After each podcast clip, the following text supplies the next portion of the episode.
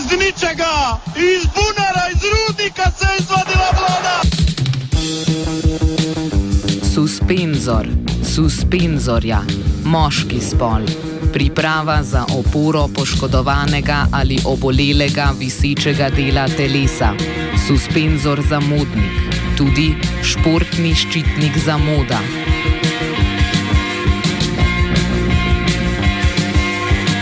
Suspenzor suspenzorja, moški spol, nešportna oddaja o športnem in obšportnem na radiju študent, tudi nešportni ščitnik vsega športnega. Tako je, hvatajte jih na spavanju, to je rešenje. Če bi sedaj le nekako uh, preračunali poprečen puls gledalcev, bi bil ta okrog 160 ali 170. Za gošt, za uživanje, za pjesmu na klupi, ja vjerujem i kod vas doma, cijenjeni gledatelji.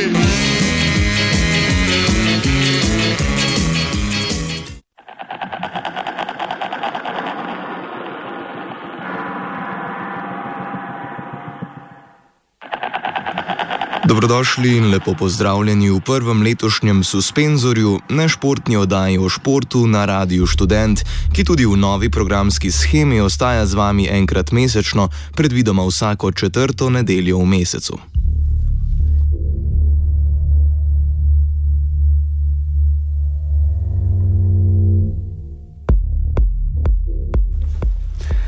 Na vrhuncu sezone zimskih športov, ki jo slovenskega zornega kota zaznamujeta predvsem slovo najboljše posameznice in lovljenje forme njenih naslednikov, se v januarskem suspenzorju nekoliko ignorantsko vračamo k futbalu. Medtem ko za nogometno zanimanje v večini evropskih lig skrbi potek tekmovanj tudi v najhladnejših mesecih, pa pri nas in okolici v času zimskega premora pozornost zbuja predvsem prestopni rok. V Srbiji so slednjega zasenčili dogodki povezani s finančno nedisciplino klubov. V Zenici pa so navijačem tamkajšnjega čelika decembrska veselja prinesle predvsem dolgo pričakovane spremembe v organizaciji kluba. Obema temama se posvečamo takoj po suspendiranih novicah.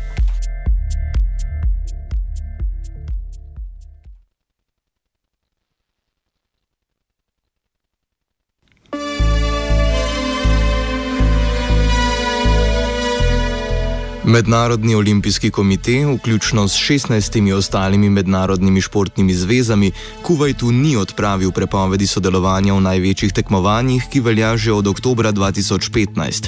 Mednarodni športni organi so bližnjo-vzhodno kraljevino kaznovali že med letoma 2010 in 2012, v obeh primerjih zaradi zakonodaje, ki omogoča umešavanje vlade v šport, zaradi česar so tamkajšnji športniki na lanskih igrah v Rio de Janeiro nastopali pod olimpijsko in ne kuvajtsko zastavo.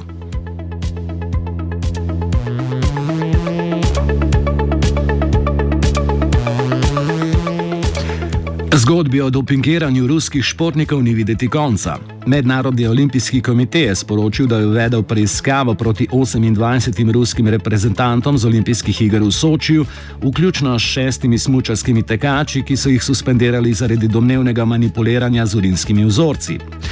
Rusija tako letos ne bo gostila finala svetovnega pokala v tekih, še prej pa so bile odpovedane tamkajšnje tekme svetovnega pokala v biatlonu in svetovno prvenstvo v bobu ter hitrostnem drsanju.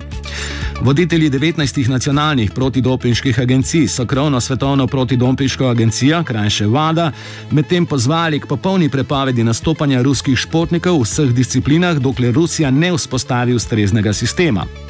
Predlog prepovedi, ki zahteva tudi izključitev ruskih reprezentanc z bližajočih se zimskih olimpijskih iger in svetovnega prvenstva v nogometu, so med drugim podpisali agencije Združenih držav Amerike, Nemčije, Francije in Slovenije.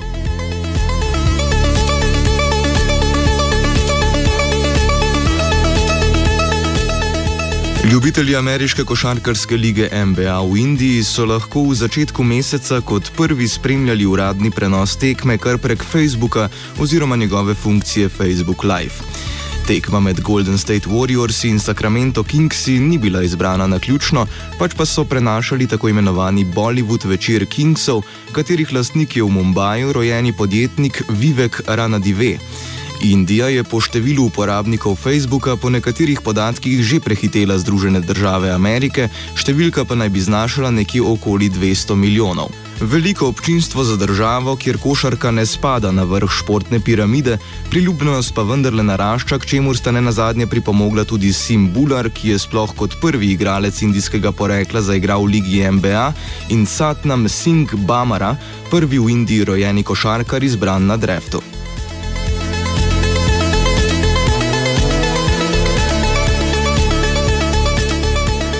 Nogometno svetovno prvenstvo se iz 32 širi na 48 udeleženk. Te bodo od leta 2026, ko se obeta uveljavitev sprememb v prvem delu tekmovanja, nastopale v 16 skupinah s po tremi moštvi, med katerimi bosta v izločilne boje napredovali dve. Število srečanj se bo iz 64 povečalo na 80, katere kontinentalne nogometne zveze bodo s širitvijo mundiala pridobile dodatna mesta, pa zaenkrat še ni znano. Predlog predsednika Mednarodne nogometne zveze FIFA, Džanija Infantina, ki so ga FIFINI delegati podprli soglasno, ima seveda predvsem ekonomsko računico. Širitev mundiala bo FIFI predvidoma navrgal več kot pol milijarde evrov dodatnega denarja.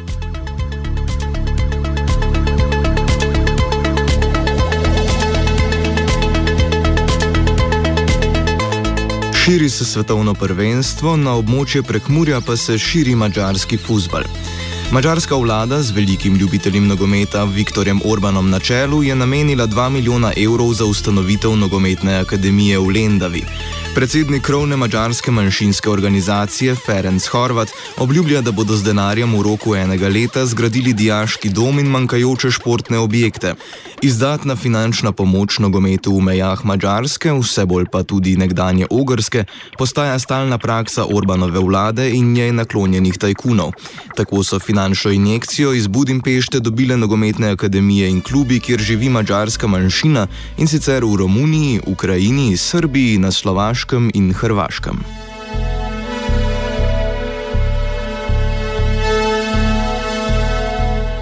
Ruski velemojster Sergej Karjakin se je zmagal na svetovnem prvenstvu v hitropoteznem šahu tekmecu Magnusu Carlsnu ekspresno dolžil za poraz v začetku decembra v dvoboju za svetovnega prvaka v običajnem šahu. Karjakin in Carlsen sta v Dohi po 21 krogih zbrala enako število točk, 16,5, zmago pa je Rus odnesel zaradi višjega rejtinga od Norvežana. Med ženskami je slavila Ukrajinka Ana Muzičuk.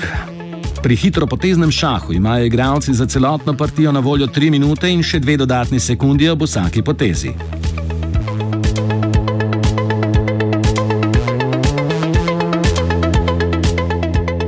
Sledi krajši glasbeni premor, na to pa začenjamo z osrednjim delom oddaje.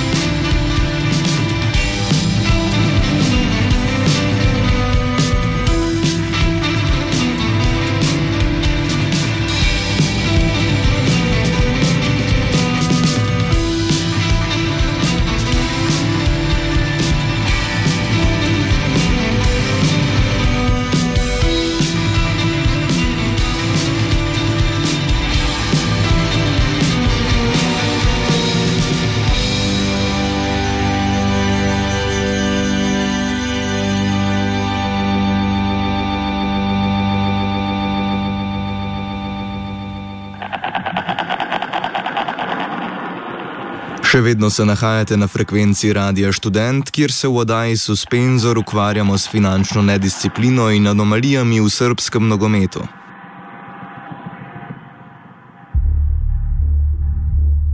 Podobno kot drugot v regiji, tudi v Srbiji v tem trenutku poteka zimski nogometni premor, ki bo trajal do nadaljevanja prvenstva v februarju. Nogometaši so v procesu priprav že pošteno stalili zamrznjene nogometne zelenice, uprave klubov pa se ozirajoč za novimi igralci nadejajo okrepitev, ki jim bodo spomladi skušale zagotoviti boljši položaj na lestvici. Kot je to v menedžerski navadi, bodo talentirane, a ne afirmirane in zato poceni nogometaše v svoje vrste skušali zvabiti z mamljivimi obljubami o sanskih kariernih možnostih, ki pa bodo za veliko večino mladih futbolerjev ostale neuresničene. Še več. Ne le, da bo po vsej verjetnosti izpuhtelo njihovo nogometno napredovanje in nadaljni sanski prestop, obstaja tudi znatna možnost, da bodo ostali brez plačila za igranje v srpskih klubih. Zaradi takšne že skoraj prevladujoče prakse in sprememb, ki otežujejo pritožbene možnosti opeharjenih nogometašov, je mednarodni sindikat nogometašov FIFPRO futbolerje v začetku meseca pozval, naj se izognejo igranju v Srbiji. Prisluhnimo pozivu izverniku. FIFPro is advising professional footballers not to sign contracts with clubs in Serbia during this month's transfer window because of worsening working conditions in the Eastern European country. Now, in an unprecedented move, the Serbian Football Association has dismissed key arbitrators from a panel which rules on disputes between clubs and players, giving footballers even less chance of receiving fair treatment. Under FIFA regulations, the panel known as the National Dispute Resolution Chamber should be made up equally of arbitrators appointed by clubs and players. The Serbian Football Association, in an unexpected and unilateral decision by its urgency committee, has dismissed the arbitrators chosen by the Serbian Players Union and appointed officials with links to the biggest clubs, Red Star and Partizan Belgrade, as the chamber's chairman and vice chairman. The chairman and vice chairman typically have the casting vote in disputes.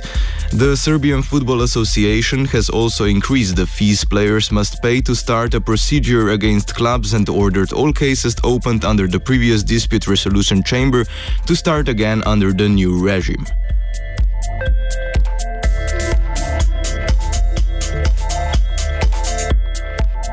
Nogometna zveza Srbije z izvirno kratico FSS, eh, ki nam je poslala pisni odgovor, je navedbe sindikata FIFPRO označila za netočne, za poziv pa okrivila sindikat nogometašov Srbije nezavisnost.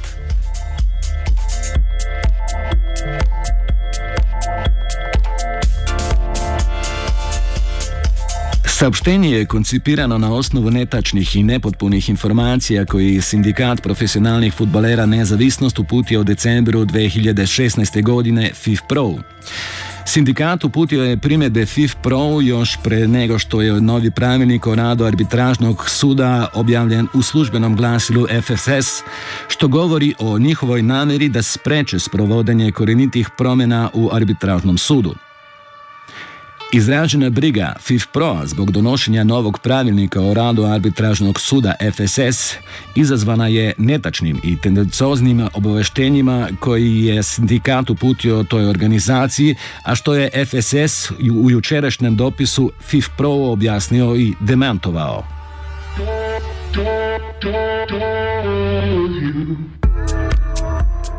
Iz ponašanja predstavnika nezavisnost, koji u posljednji mjesec dana na različne načine pokušavaju da osujete reorganizaciju napređenje rada arbitražnog suda FSS, vidi se jasna namjera da se očuvaju stečeni interesi i monopol koji je sindikat nezavisnost u proteklim godinama stvorio pred arbitražnim sudom kada je reč o zastupanju profesionalnih futbolera.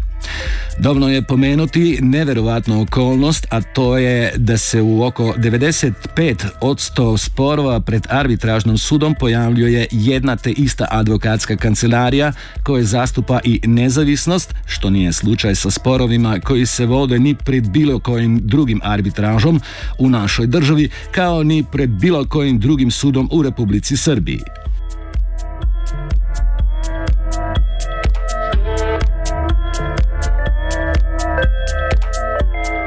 Ne glede na to, ali spremenjen pravilnik o arbitražnem sodišču, ki ureja spore med nogometaši in klubi, res prinaša futbalerjem boljšo zaščito, bodo težave s finančno nedisciplino ostale. Kot pojasnjuje Slobodan Georgijev, novinar tednika Vreme in Balkanske preiskovalne novinarske mreže, ki se poglobljeno ukvarja z anomalijami srpskega nogometa, ni problem v zakonih in pravilih, pač pa v njihovem nespoštovanju. Pa u Srbiji kada bi oni e, e, poštovali zakone koji postoje u Srbiji, ja mislim da bi većina tih klubova bilo ukinuto. Dakle, oni ne bi mogli da, e, da postoje na taj način i verovatno bi futbol kao takav e, postao amaterska delatnost. Dakle, ne, ne, ne, ne profesionalna. To se ne dešava zbog tradicije i zbog tog nekog očekivanja javnosti da mi imamo ovaj, velike futbolske klubove koji imaju neku svoju tradiciju i tako dalje. I zbog toga, kažem, eh, im se uvek ovaj, progleda kroz prste, pa sad ako progledate kroz prste nekom velikom, onda ćete i ovim manjim klubovima i to tako ovaj, godinama ovaj, funkcioniše po nekom lažnom, rekao bih, eh, principu, gde imate situaciju da klubovi ne plaćaju futbalere, ne plaćaju porez, ne plaćaju, ne znam, utrošenu vodu, struju i tako dalje i niko ih zbog toga ovaj, ne dira. S druge strane, ako građani ne plate struju dva meseca, struja se isključuje, dolaze izvršitelji koji plene imovinu i, i, i slično. Dakle, to je jedna o, bolesna ovaj, situacija u Srbiji.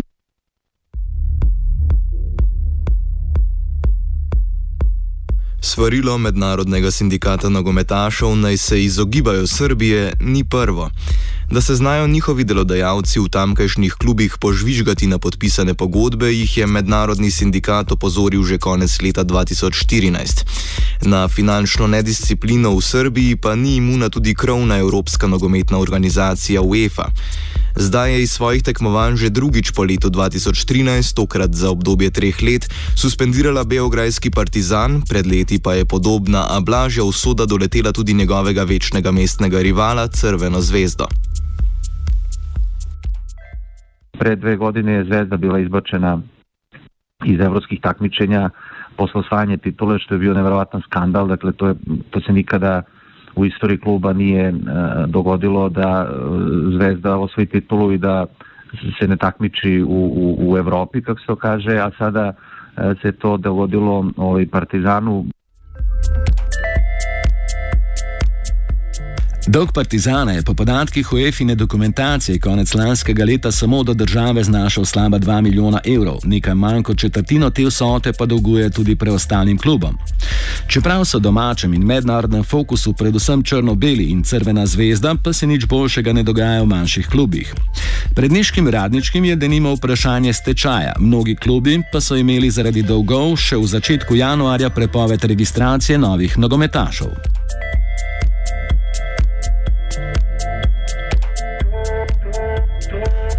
Srbija še zdaleč ni edina nogometašem neprijazna država. Že v bližnji okolici konkurenco delajo mnoge države, med njimi zaradi nedorečene delovnopravne zakonodaje in socialne zaščite športnikov tudi Slovenija. A zdi se, da se finančna nedisciplina kot modus operandi vse bolj razširja. Po navedbah FIFPRO je v njihovi zadnji raziskavi kar 68 odstotkov nogometašev v Srbiji tožilo nad zamudo plačil, 82 odstotkov pa jih je bilo pri prisiljenih v prestop, ki ga niso želeli. Kot povdarja Georgijev, je vse to posledica večletnega kopičenja težav in neurejenih razmer, ki pa z mednarodnim nadzorom ne ostajajo več neopažene. To su posljedice dakle, dugogodišnjeg lošeg rada zapravo u, u srpskom futbolu. Gde se ne zna ovaj, ko je pravi vlasnik klubova, ko njima upravlja, na koji način e, dolazi novac u klubove i još bolje dakle, na koji način se taj novac troši. Dakle, najveći srpski klubovi su e, po pravilu e, funkcionisali tako što su dobili značajna sredstva zapravo od države, ali je E, takođe veliki novac dolazi od prodaje igrača, naročito kada je Partizan u pitanju koji je u posljednjih 20 godina uh, imao dosta uh, velikih, velikih transfera, što se za Crvenu zvezdu ne može reći, jer ona tamo negde od 2006. 7.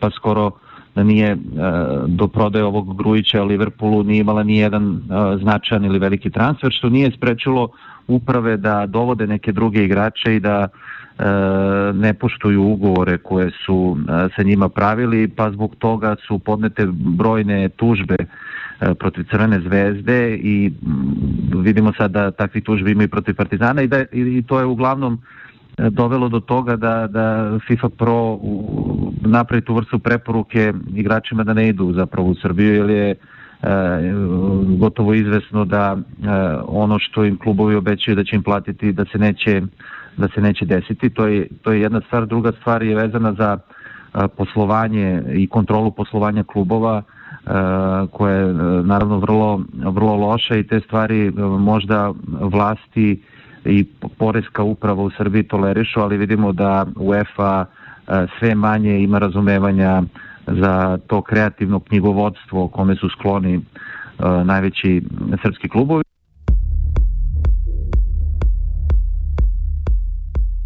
Za razliko od manjših klubov, ki ostajajo na večni margini, lahko največja beograjska kluba strani države računata tudi na finančno pomoč. Ta se je v nogometno in košarkarsko zvezdo ter partizan, kot je pred leti javno razodel premijer Aleksandr Vučić, posredno preko državnih podjetij oziroma kot je v primeru ruskega Gazproma in zvezde z državnim posredovanjem stekala v milijonskih evrskih zneskih. Mirjana Jevtovič, soavtorica Insiderjeve dokumentarne serije o težavah srpskega nogometa. Opravičujemo se za posnetek nekoliko slabše kvalitete. To je uh, prekinuto uh, poslednjih godina, uh, ali uh, oni sami, ako, ako pratite izjave, uh, govore da, da ne bi mogli da žive bez pomoći države. To ne ide direktno, uh, ali oni zapravo očekuju od, od predstavnika države da određene sponzore ne govore da, da im daju novac. I to tako traje sad poslednjih godina. Mi smo možda poslednji put imali 2014. čini mi se da im državne preduzeće direktno daju novac, odnosno određena preduzeća u kojima je država imala vlasništvo. A, Telekom Srbije kao javno preduzeće koje još nije, ovaj, koje još kontroliše delom a, država, a, daje veliki novac, veliki novac a, daje Gazprom i onda se ra, nalazi razni modaliteti koliko će to da se da Partizanu, koliko Crvenoj zvezdi i to će vam se će, to će vam otvoreno svaki o, funkcioner sportski, o, direktor ili o, predsjednik kluba o, reći da oni opstaju zahvaljujući tome što će neko od predstavnika vlasti pozvati o, neko preduzeće da, da im da novac. Širokosrčnost ne čudi. Zaradi množične podpore največjima kluboma in njunega družbenega pomena oblasti pomoč slednjima vidijo predvsem skozi prizmo potencialnega volilnega telesa. Slobodan Georgijo. Ljudi, ki navijajo za zvezde partizan, so vaši birači. I onda niko u tom smislu neće da se zameri. Vama pola ljudi u Srbiji navija za zvezdu, pola za partizan. I sad, ako bi neko, oni misle, ako bi neko došao i rekao, vidite, sad, mi više nećemo da dajemo novac za to, ako će da se, a poslaćemo recimo Poresku upravu i onda će ugasiti ovaj, te klubove, ljudi misle, mi ćemo izgubiti izbore. Znači ljudi reći kako, eto, kako možete da ugasite takve stvari. E, ja mislim da je to precenjeno, dakle da je precenjen uticaj i da ljudi stvarno vole to iz Zvezde Partizanov, nije to nešto ključno za, za njihov život. Mislim da je mnogo važnije da se gomila tog novca ne baca ovaj, u te klubove i ide u privatne džepove. S druge strane imate mnoge druge oblasti u Srbiji gde ovaj, se jako teško živi, funkcioniše.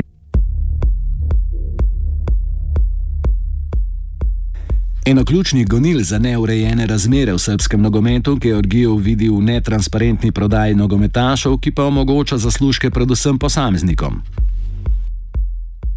Ljudje, ki so vezani za srpski futbol, so procenili, da je e, prodaja igrača ovih iz Srbije, a Srbija, ja mislim, spada u, u, u vrh u svetski vrh po broju ovaj, prodatih e, futbalera, dakle koji, koji se prave, da tako kažemo, u Srbiji, e, da je taj posao zapravo vrlo isplativ, da vi ovaj, uložite u nekog e, mladog futbalera par desetina hiljada evra, možete da zaradite nekoliko stotina ili čak milion, tako da je to vrlo isplativ biznis i mislim da zbog toga u stvari cela stvar i dalje funkcioniše zato što postoje e, određene grupe koje na tome zarađuju ove, i dalje veliki novac i taj novac je po pravilu prilično zapravo legalan, dakle nije kao prodaja ove, droge ili oružja gde e, su mnoge stvari mnogo sumljivije, Tako da mislim da je to jedini razlog što, što ti klubovi i ta takmičenja postoje. Dakle, da bi se e, taj resurs trošio koji je neiscrpan jer svi hoće da igraju futbol, svi roditelji šalju decu da treniraju ili misle da je to isto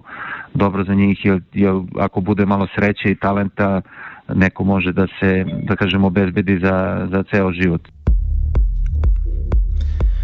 Ob izdatni posredni finančni podpori države, ki sta je deležna vodilna kluba, ter zaslužkih na račun prodaje nogometašov in nastopov v Evropi, je jasno, da finančna nedisciplina v srpskem nogometu še zdaleč ni zgolj ekonomske narave, pač pa je težava predvsem v omenjenem slabem in nezakonitem vodenju klubov. Ti služijo predvsem kot paravan za privatne interese in sporne posle vodstev klubov in njihovih sodelavcev, ki s kanaliziranjem dobičkov v privatne žepe izčrpavajo klube težave pa na to pokrivajo z državno pomočjo. Ono što je, rekao bih, zarada od posla se ne vraća u klubu, nego zaradu pokupe ovi koji, koji su u klubu, koji ga vode, koji su oko kluba, a onda se zapravo pokušava da se iz javnih fondova ovaj, dobije novac za takmičenje i za pokrivanje operativnih e, troškova. Tako otprilike taj mehanizam e, funkcioniše. Sporno vodenje klubov na in čez mejo zakonitega pa omogoča nejasen pravni položaj klubov. Ti problemi su e, proizvod toga što ti klubovi nisu uređeni kao prava, e, da kažem pravna, pravna lica, dakle e, oni funkcionišu kao neka neformalna udruženja građana sa velikim budžetima i sa velikim novcem koji dolazi iz države i od prodaje igrača ali kažem to više ne prolazi i, i, i čini mi se da je ovo sada trenutak kada će e, neke stvari u tom smislu morati da se promene ili da se e, upravljanje klubovima e, na bolji način uredi ili će oni prosto biti potpuno isključeni iz ovih evropskih takmičenja. Nogometni klubi so podobno kot po večini nekdanje Jugoslavije organizirani kot društva, v katerih pa pravna razmerja niso jasno razmejena, velik vpliv na njihovo delovanje pa imajo tudi neformalne skupine, predvsem navijači. Podobno kot drugot v regiji, kjer država svoje vloge v športu ni več sposobna opravljati, se tudi v Srbiji kot rešitev ponuja privatizacija klubov. Za njo se je že prej zauzel tudi srpski premijer Vučić. Prisluhnimo odlomku iz televizijskega intervjuja intervjuja v oddaji Reč na reč. Ja sam za to da se izvrši privatizacija i ne krijem se ni za koga, iako znam da su svi navijači ili većina navijača protiv toga, i Partizana i Zvezde. Evo, ja sam za. Ja sam na tom severu proveo ne znam koliko godina kao mladić. Ja sam za privatizaciju zato što, znate, Zvezda se urušava, Partizan se urušava, tu nema biznisa, To su udruženja građana u kojima je uvek rukovodstvima ili delo rukovodstava lepo, što se neretko troše državne pare na različite načine. Ne zaboravite i to što je sa Gazpromom postignuto, postigla je država. To što vam EPS da 800.000 evra, to vam je dala država. Mi trošimo milione evra na te klubove, a što da trošimo kad mi možemo da zaradimo od njih? Da dovedemo nekoga ko će da napravi dobar biznis, ko će umeti da napravi dobar posao, profit za sebe, ko će na stadione, hoću da odem na stadion, da imam tri hot doga da nađem, tri sladoleda, četiri kolača, uživam, gledam futbal.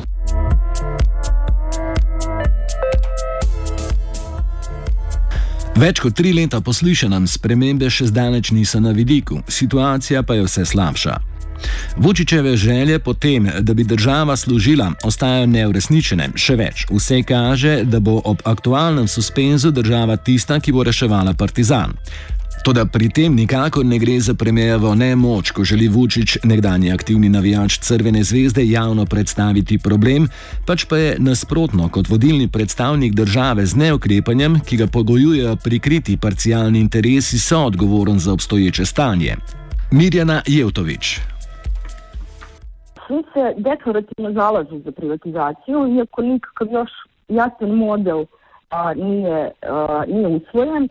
A, svi se deklarativno zalažu, ali mislim da svima u, odgovara ovaj status quo a, u kojem su klubovi svaki i ničim i u kojem a, ti ljudi koji su na, na čelnim pozicijama imaju priliku da sklapaju različite diove, da izvuče novac iz klubova s jedne strane prodajem igrača, s druge strane da, da ne ispunjavaju svoje obaveze osnovne prema državi, jer si moramo platiti struju ili vodu, to za njih a, potpuno ne važi. A, tako da a, mislim negde i, i, i da čak i političarima ovaj, ta situacija odgovara, jer pre par godina su političari navodno uh, po nalogu uh, sadašnjeg premijera izašli iz uprava, ali to nije suštinski baš tako. Oni uh, jesu jako bliski uh, tim, uh, tim upravama i, i dalje se uh, to stanje održava. Mislim, kažem da, da, da, da ovakva situacija odgovara toj nekoj, uh, da kažem, futbalskom a, kremu srpskom koji a, već godinama se vrti na, na, na nekim pozicijama u kojima mo, mogu jako lepo da žive i da uzimaju procente od prodaje, a da, a da u isto vreme prave, prave gubitke za klubove i za, za državu. Sprememb tako ne gre, kar tako pričakovati.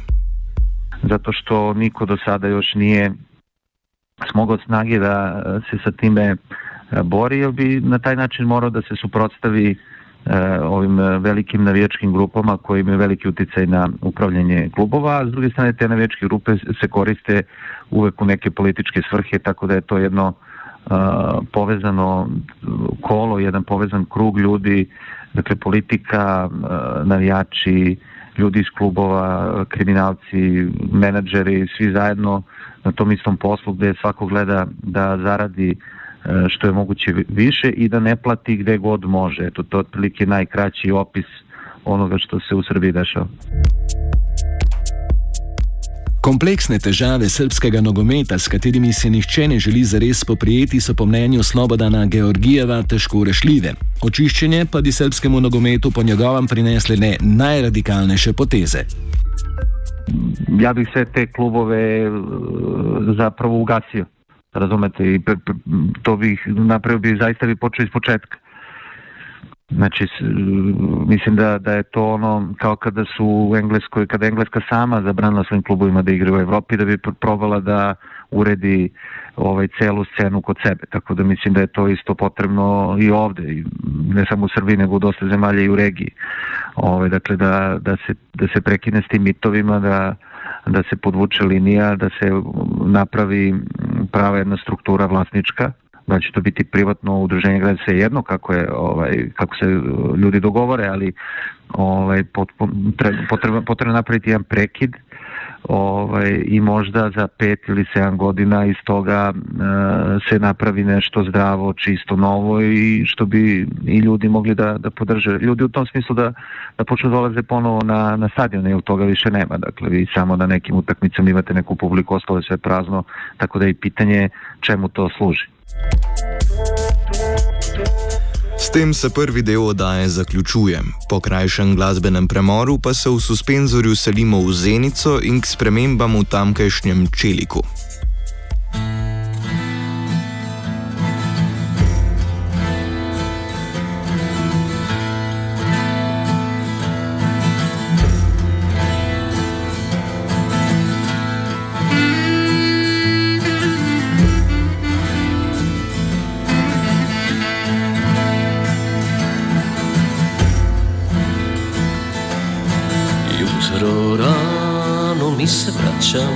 Se u maju ponovo rodimo nekada davno prezresmo vođe. Sto godina prođe Bujrum narode slobode. Usmi narode i lode U tvoje ime i ime slobode. Crkve i džamije racove vode. Bujrum narode igara Bujrum narode za cara. Hajduhara vođa O para al haram impara.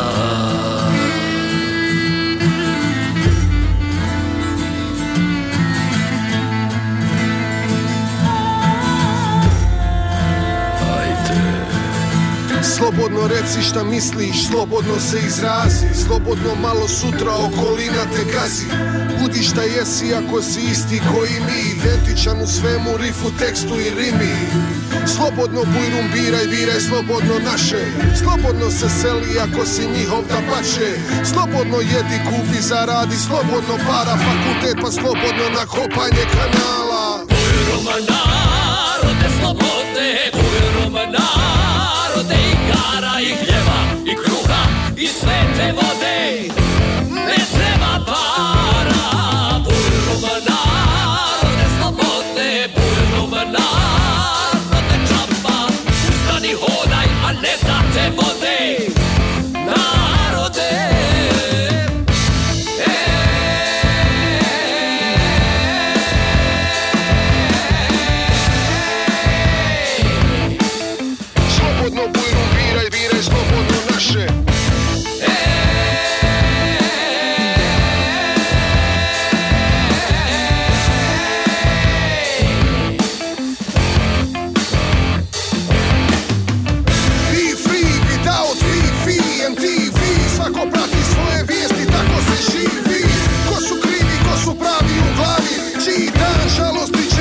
Nuestros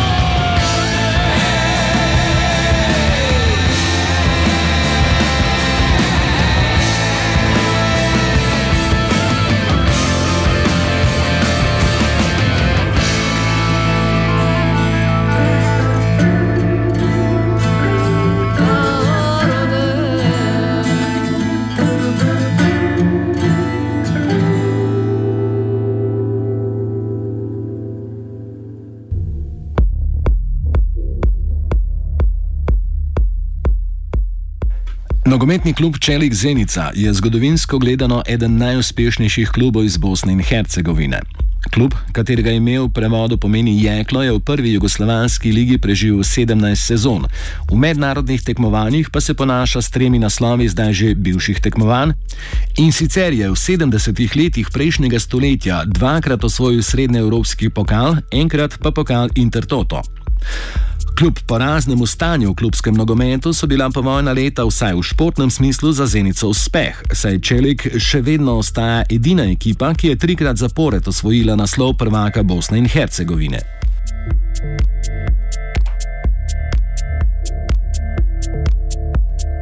V času snemanja te oddaje in zimskega premora v sezoni 2016-2017 Premier lige Bosne in Hercegovine NK Čelik Zenica zaseda šele 11. mesto v ligi 12 ekip. Le 9 pik z 18 obračunov pomeni, da bi Čelik, če bi se sezona končala danes, prvič od ustanovitve lige padel v nižji rang tekmovanja.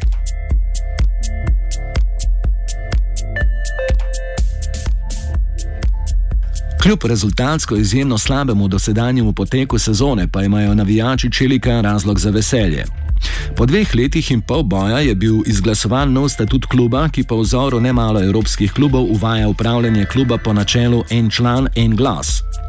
Kako se je sploh začela ideja o samoupravljanju kluba, razloži predsednik inicijative Začelik Tarik Ajanovič. Sama inicijativa je dakle krenula prije svega od e, navijača e, Čelik Zenca koji se zovu Robijaši koji su u augustu 2014. pokrenuli bojkot e, tih domaćih utakmica na stadionu Bilno polje u Zenci upravo nezadovoljni činjenicom da se niko ne bavi tim aktualnim problemima klubske opstojnosti, dakle svi su samo bavili dovođenjem odvođenjem igrača, međutim ovi suštinski problemi blokade klubskih računa niko nije obraćao pažnju, iako su navijači putem svog predstavnika u skupštini kluba samo upozoravali na te probleme, međutim niko ih nije slušao. Kada je krenuo taj bojkot, već je automatski privukao dakle pažnju javnosti i e, nekad u novembru 2014. godine oformila se neformalna grupa građana za Čelik koja je dakle ponudila navijačima jedno rješenje koje e, je zasnovano dakle na tom članskom modelu koje je e, samo predstavilo navijačima e, svoju inicijativu da pokuša da pronađe pravni model razrješenja problema kluba koji je blokiran u smislu da je bio pod velikim političkim utjecajem jer nažalost svi funkcioneri kluba u proteklih 20 godina su uglavnom dolazili na svoje funkcije putem a, političkih nekih instaliranja pritisaka i slično. Obični građani, lokalni privrednici, sportisti nisu imali pravo ulaska u klub ukoliko nisu bili podobni, da tako kažem. I dakle od novembra 2014. godine do marta 2015. godine radilo se na izradi jednog novog statuta, e, konsultovali su klubovi diljem Europe i konačno se došlo do tog nekog završnog e, rješenja koje je bilo dakle po principu jedan član, jedan glas i konačno je taj statut objavljen u martu 2015. godine. Dugo je trajala ta procedura njegovog usaglašavanja, lobiranja za isti donošenja nekih pratećih akata da bi eto konačno 5. januara 2017. godine a, usvojen novi statut NK Čelzenca kojim je slomljen taj zatvoreni sistem funkcionisanja i sada svaki član nogometnog kluba Čelik Zenca kada krene učlanjenje ima pravo učešća u skupštini, ima pravo demokratskog biranja predsjednika kluba i ostalog rukovodstva. Po novo izglasovanem modelu, ki velja za že uveljavljenega v mnogih klubih v državah kot so Nemčija, Anglija, Švedska, Španija in Portugalska, bi skupščina po načelu en član, en glas volila nadzorni svet in predsednika kluba, ki bi na to lahko sam izbral svoje sodelavce, bi pa odgovarjal skupščini, ki bi določala osnovne smernice kluba. U dosadašnjem funkcionisanju NK Čelik, a i u 99 posto drugih sportskih klubova u Bosni i Hercegovini bio je zastupljen sličan princip po kojem svako ima pravo postati član kluba, a onda a, podnosi svoju, ajde tako kažem, kandidaturu a, jednoj kandidacionoj komisiji a, skupštine da bi ušao u samu skupštinu. Međutim, uvijek se javljao problem u toj kandidacionoj komisiji koja je filtrirala ljude i dakle uvijek je ona bila blokada ka pristupanju organima kluba. Ovim principom jedan član, jedan glas ne postoji ta dakle komisija, već automatski svako ko uplati godišnju članarnu koja je u razini od prilike oko 30 eura ima pravo da učestvuje na samoj skupštini i samim tim bira organe kluba. To je jedan demokratski princip, dakle imate jednu godišnju skupštinu, sad da li će na njoj biti 50, 100 ili 1000 članova, to je već do samog kluba koliko će se da proda članskih karata. Međutim, uh, na toj skupštini pored toga što će članovi imati uvida u financijsko poslovanje kluba, kao jednu transparentnu komponentu, imat će pravo da izaberu predsjednika kluba na mandat od četiri godine koji bira svoj tim s kojim radi. Dakle, naglasio bih da je to jedna demokratizacija procesa, ali istovremeno da to ne znači da navijači i kako mi tu u Bosni kažemo obična raja upravlja klubom i ljudima koji donose novac i donose odluke. Dakle, njima se daje legitimitet da donose odluke, ali niti navijači, niti članovi nemaju pravo utjecaja na to koji će igrači igrati, kako će se poslovati. Ne, dakle, kada se rukovodstvo kluba dodijeli mandat, rukovodstvo kluba ima apsolutnu slobodu dakle, da provodi svoju poslovnu politiku i naravno u skladu s tim odgovara samoj skupštini za isto. Ob izvolitvi novega statuta je bilo izvoljeno tudi začasno vodstvo s Selvedinom Šatorovičem na mestu predsednika. Naloga novega vodstva je, da v roku šestih mesecev pripravi vse ustrezno za izvedbo velike skupščine in predlaga spremembe v statutu, če zanj vidi potrebe. Vsekakor pa se bo moralo vodstvo spopasti tudi z dolgom kluba v višini šestih milijonov evrov.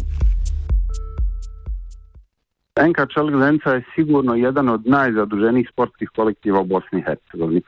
Dug koji ste vi spomenuli od 12 miliona maraka, dakle 6 miliona eura, je neki ukupni dug koji uključuje dugovanja prema poreskoj upravi, e, kamate na te poreze, dugovanje prema višim igračima, dobavljačima, posudbe i sl. Mi smo izvršili jednu internu analizu koliko smo naravno imali pristup dokumentaciji unutar kluba i zaključili smo da taj e, dug, iako u svoj, svojoj nekoj konačnici je 6 miliona eura, e, nekim mehanizmima na kojima već radimo, kao što recimo otpis kamate, ukoliko se za nekih par dana usvoji novi zakon kojim bi omogućavao otpis kamate poreskih dugovanja u slučaju reprogramiranja duga i ukoliko bi se otpisala neka zastarela potraživanja, taj bi dug već mogao da spadne na neka 2 do maksimalno 2,5 miliona eura, što je jedna ovako cifra koja je već na neki period od 10 godina takva da se s njom može manipulirati, dakle da se ona može riješiti. Slažem se da je cifra od 6 miliona eura zaista grozna, No, ukoliko bi smo dobili ovaj zakon, ukoliko bi grad Zenica ispoštovao svoje obećanje, a što očekujemo da se upravo desi da otpiše nekih 1,5 milion eura prema javnim preduzećima kao što su vodovod, grijanje i slično, već bismo imali jednu čišću i stabilniju situaciju gdje bi novi upravni odbor mogao razgovarati sa ostalim povjeriocima i raditi na tome da se e, što u skorijem vremenu odblokiraju klubski računi. Finančne situacije se še kako dobro zaveda tudi Ajanovič, ki pa pri sanaciji kluba računa na pomoč občine, lokalnih obrtnikov, v prihodnosti ob potrebnih zakonskih spremembah pa tudi večjih investitorjev. Apsolutno se slažem sa tvrdnjama da bez novca nema nikakvih rezultata. Dakle, jasno je da novac u sportu mora da egzistira, no uh, u Bosni i Hercegovini nije moguće investirati u bosansko-hercevački sport zato što su svi sportski klubovi udruženja građana i sav profit koji naprave mora da ostane unutar kluba. Dakle, mi smo ovim statutom predvidjeli neke investicijske modele uz članski model kako bi klub uh, mogao da se razvija, ali istovremeno uh, razgovarali smo sa zakonodavcima koji pripremaju jedan uh, zakon o sportu Federacije Bosne i Hercegovine i svakako ćemo dati neke svoje inpute kako bi se omogućilo i investiranje u sportske klubove, a do tada će Čelik funkcionisati na ovom članskom modelu e, i pokušat će naravno da a, se reformiše, kao što rekao, bit će jako teško, na nama je da dokažemo a, ljudima, pa i u toj bivšoj već skupštini NK Čelik Zenica, da su promjene moguće i da je apsolutno ovaj, ovaj pristup jedini moguć u ovom momentu. V boju proti političnemu vplivu v nogometnem klubu Čelik so se navijači tudi sami zapletli v lokalno politiko. Na lokalnih volitvah je bil na mesto župana občine Zenice, ki šteje nekaj več kot 110 tisoč ljudi, izvoljen neodvisni kandidat Fuad Kasimovič. Ta je kljub preteklosti, ko je kot član največje bosansko-hercegovske stranke demokracije akcije zasedal mesto predsednika Čelika, javno izrazil podporo inicijativi občanov. Znate kako se ono kaže, uh, protiv vatre se samo vatro bodi. Mi smo zaista krenuli kao jedna apolitična inicijativa, međutim, nažalost, uh, morali smo se umiješamo, da tako kažem, kao neformalna grupa građana za čelik u tu proceduru uh, političkih političke a, kampanje za, na lokalnim izborima, upravo zbog toga što je jako veliki broj političkih stranaka u svoje programe uključilo rješavanje NK Čel, problema NK Čelizenica. Dakle, mi smo sa svim, uh, nakon što su nažalost propali razgovori uh, koji smo obavljali dvije godine sa vlastima grada Zenice, obavili razgovore sa svim opozicionim strankama i kandidatima u Zenici, ponudili smo im određene memorandume koje su oni potpisali, koje smo mi javno objavili, u kojima su se obavezali da će zapravo prekinuti praksu političkog utjecanja na odluke u klubu, te da će uh, pomoći klubu dakle da sanira ovo svoje poslovanje kako bi lakše izašao na zelenu granu. Mi zaista bez pomoći grada ne možemo nastaviti funkcionisati, no uh, potrebno je bilo dakle ukloniti tu političku komponentu utjecaja. Uh, igrom prilika eto izabran je novi gradonačelnik koji je bio nezavisni kandidat i istovremeno je čak i bivši predsjednik NK Čelik Zenica. Naša inicijativa nije nikoga favorizovala, ako se dobro sjećam, mislim da smo imali osam potpisanih memoranduma sa osam različitih političkih subjekata od kojih je eto jedan pobjedio na tom gradonačelničkom mjestu i ja mislim jedna od prvih stvari koju je uh, on napravio je da je na predkonferenciji izjavio da on će održati obećanje. On je obavio razgovor, gospodin Kasumović kao gradonačelnik je obavio razgovor sa zemljičkim privrednicima, rekao da se neće miješati u rad kluba, ali da podržava ono što su podržali građani. Ipak smo imali 6000 ljudi na ulicama na februarskim protestima, te je izrazio želju da kao i sam pristupi članstvu kluba uh, kao građanin, na čemu mu se jako zahvaljujemo ja bih samo kažem opet da naglasim da mi nismo favorizovali nikoga u toj utrci, nego smo opoziciji ponudili dakle da pokuša riješiti problem koji nismo uspjeli da riješimo u protekle dvije godine sa dotadašnjom vlasti u gradu.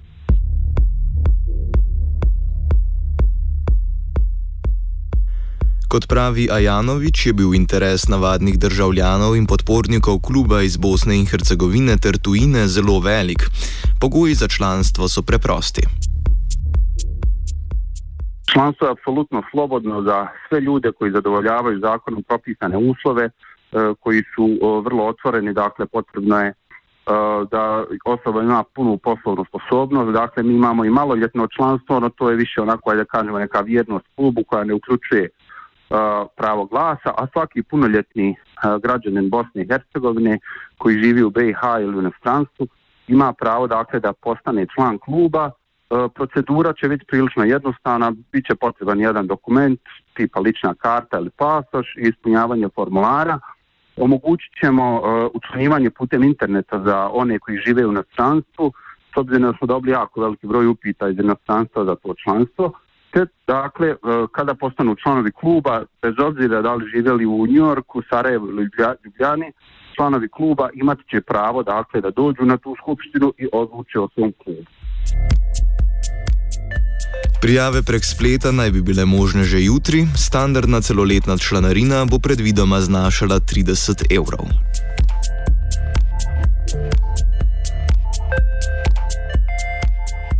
Suspenzor sta pripravila Marcin in Antun, brala sva Lorenz in Boc, tehniciral je Luka. Je li to moguće? Evo što je nogomet! Iz ničega, iz bunara,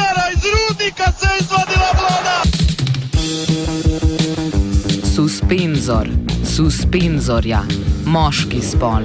Priprava za oporo poškodovanega ali obolelega visičega dela telesa. Suspenzor za modnik, tudi športni ščitnik za moda.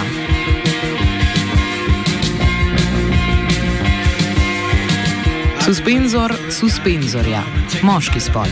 Nešportna oddaja o športnem in obšportnem na Radiu Student. Tudi nešportni ščitnik vsega športnega. Tako je, hvatajte jih na spavanju, to je rešenje. Če bi sedaj le nekako eh, preračunali poprečen puls gledalcev, bi bil ta okrog 160 ali 170. Za gošt, za uživanje, za pjesmu na klupi, a vjerujem i kod vas doma, cijenjeni gledatelji.